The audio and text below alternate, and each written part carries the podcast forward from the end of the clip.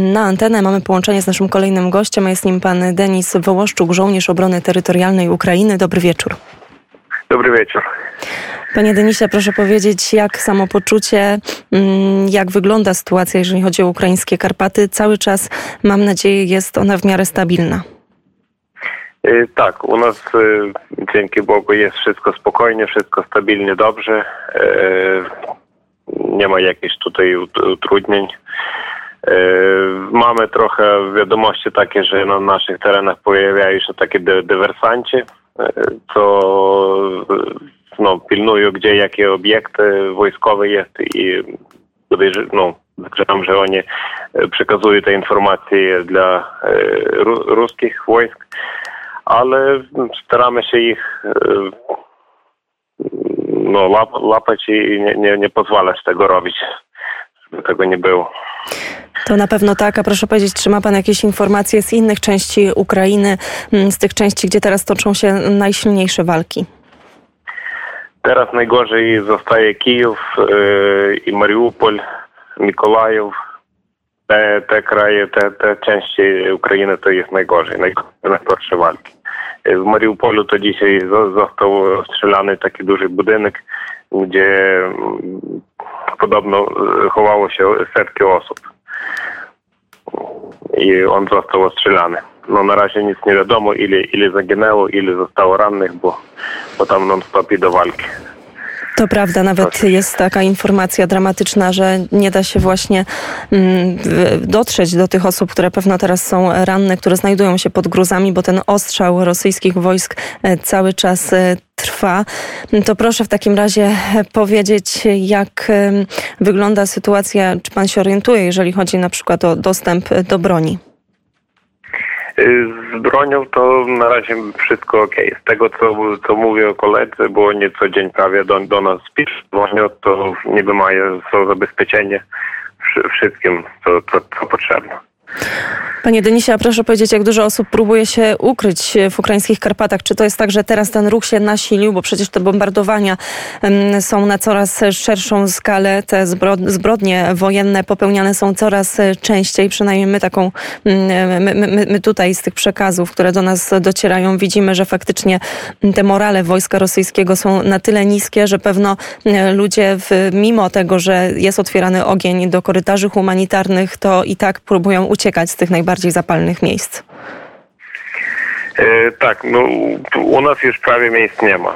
Powiem tak szczerze, że no nie, nie wiemy jak, jak dalej będzie, gdzie, gdzie mamy przyjmować dalej ludzi, bo nawet po domach to, to niektórzy ludzie przyjęli są po, po 4, po 5 y, rodzin, czyli w jednej rodzinie 3-4 e, osoby mogą być nawet.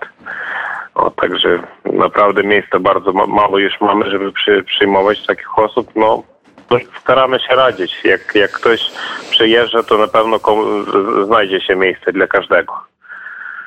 Nie, nie możemy odmówić takiej sytuacji nikomu, to wiadomo.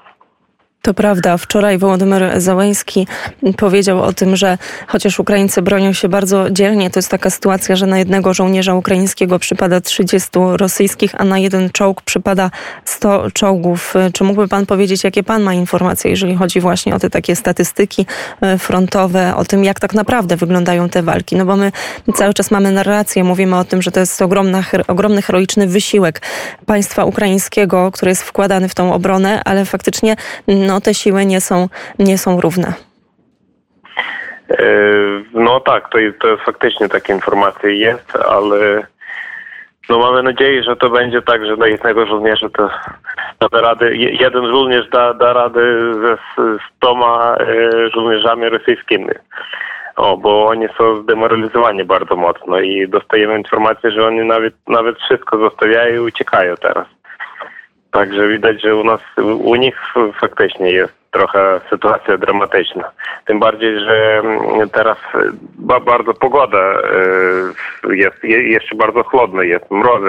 Dostajemy informację, że tam 12-15 stopni na minusie ma być. I to wszystko... Dzisiaj było bardzo mhm. chłodne. Tak, i to wszystko sprzyja e, temu, że e, te morale rosyjskiego wojska jeszcze bardziej się, mm, jeszcze się mocniej mm, obniżają, ale też e, to jest tak. faktycznie informacja, z której mogą cieszyć się mm, Ukraińcy. Panie Denisie, a proszę powiedzieć, jak wygląda sytuacja, jeżeli chodzi o dostęp o, do bieżącej wody, do żywności, no i też czego jest najbardziej potrzeba?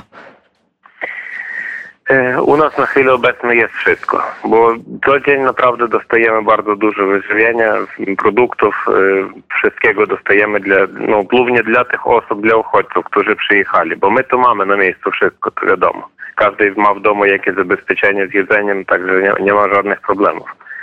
O, także no, z tym dajemy radę. Gorzej jest y, w tych miejscach, gdzie, gdzie idą te, teraz walki. Te, tam jest najgorzej, bo nie ma tych korytarzy, niby oni są, no rosyjscy, rosyjskie też żołnierze mówią, że oni robią te korytarze, ale faktycznie tych korytarzy nie ma, bo każdy transport zostaje ostrzelany. O, jak, jak w tą stronę, tak i z, z powrotem. Nie daje takiej możliwości ani wywiezienia tam pomocy humanitarnej, ani wywiezienia stąd ludzi. To, pra to prawda i my też takie mamy dramatyczne doniesienia, kiedy łączymy się na przykład z mieszkańcami mm, Hersonia mm, czy, mm, czy Charkowa. A proszę jeszcze powiedzieć, bo Karpaty to jest na drodze przecież do, na tym szlaku, przez który ludzie próbują teraz przedostać się do Rumunii. Czy może się pan orientuje, nie, nie chodzi mi oczywiście o konkretne liczby, ale jak dużo to jest osób i też jak wygląda później pomoc Ukraińcom już po drugiej stronie? E, bracie nasi Rumunii to też pomagają bardzo, bardzo dużo, bardzo mocno, za co bardzo dziękujemy. E, ostatnio, co wiem, to ostatnie dni dużo, dużo mniej osób już, już jedzie na Rumunię, no także kolejki spadły. O i też, też widzimy przez nasze miasto, że już mniej aut jedzie takich, e, no, obwodnicami tam, obwodnicą mniej aut jedzie w stronę Rumunii. Także może faktycznie. No wiadomo, to większość osób, którzy mieli wyjechać, już wyjechali raczej. To prawda. Panie Denisie, może chciałby jeszcze pan coś dodać? Chciałby przekazać pan coś słuchaczom Radia Wnet? Jak zawsze wielkie dziękuję od nas, od, od wszystkich Ukraińców, od, od, całego kraju. Dziękujemy, dziękujemy wszystkim krajom, które pomagają. Dziękujemy Polakom, że przyjęli dużo osób, bo teraz, nie wiem, ponad, mówię, że ponad milion osób teraz zostało przyjęte prze, przez Polskę, za co bardzo dziękujemy, e, że przyjęliście naszych dzieci, żon. E, no, mam prośbę, żeby przy okazji mówili tym chłopakom, którzy mogą walczyć tam i teraz też pouciekali tam do Polski, do Europy, żeby jechali z powrotem, bo, no bo, bo to nie jest dobrze, kiedy duży chłop tam ucieka, tam 35-40 lat ma, może walczyć, ma doświadczenie, a młode chłopaki tutaj 20-25 lat y, i, i, idą walczyć. No, ta, takie mamy sytuacje. A jak pojechali, to, to już mogą nie wracać, bo, bo i tak tutaj nikt nie przyjmie raczej po tej wojnie. Aby to dobrze się wszystko skończyło.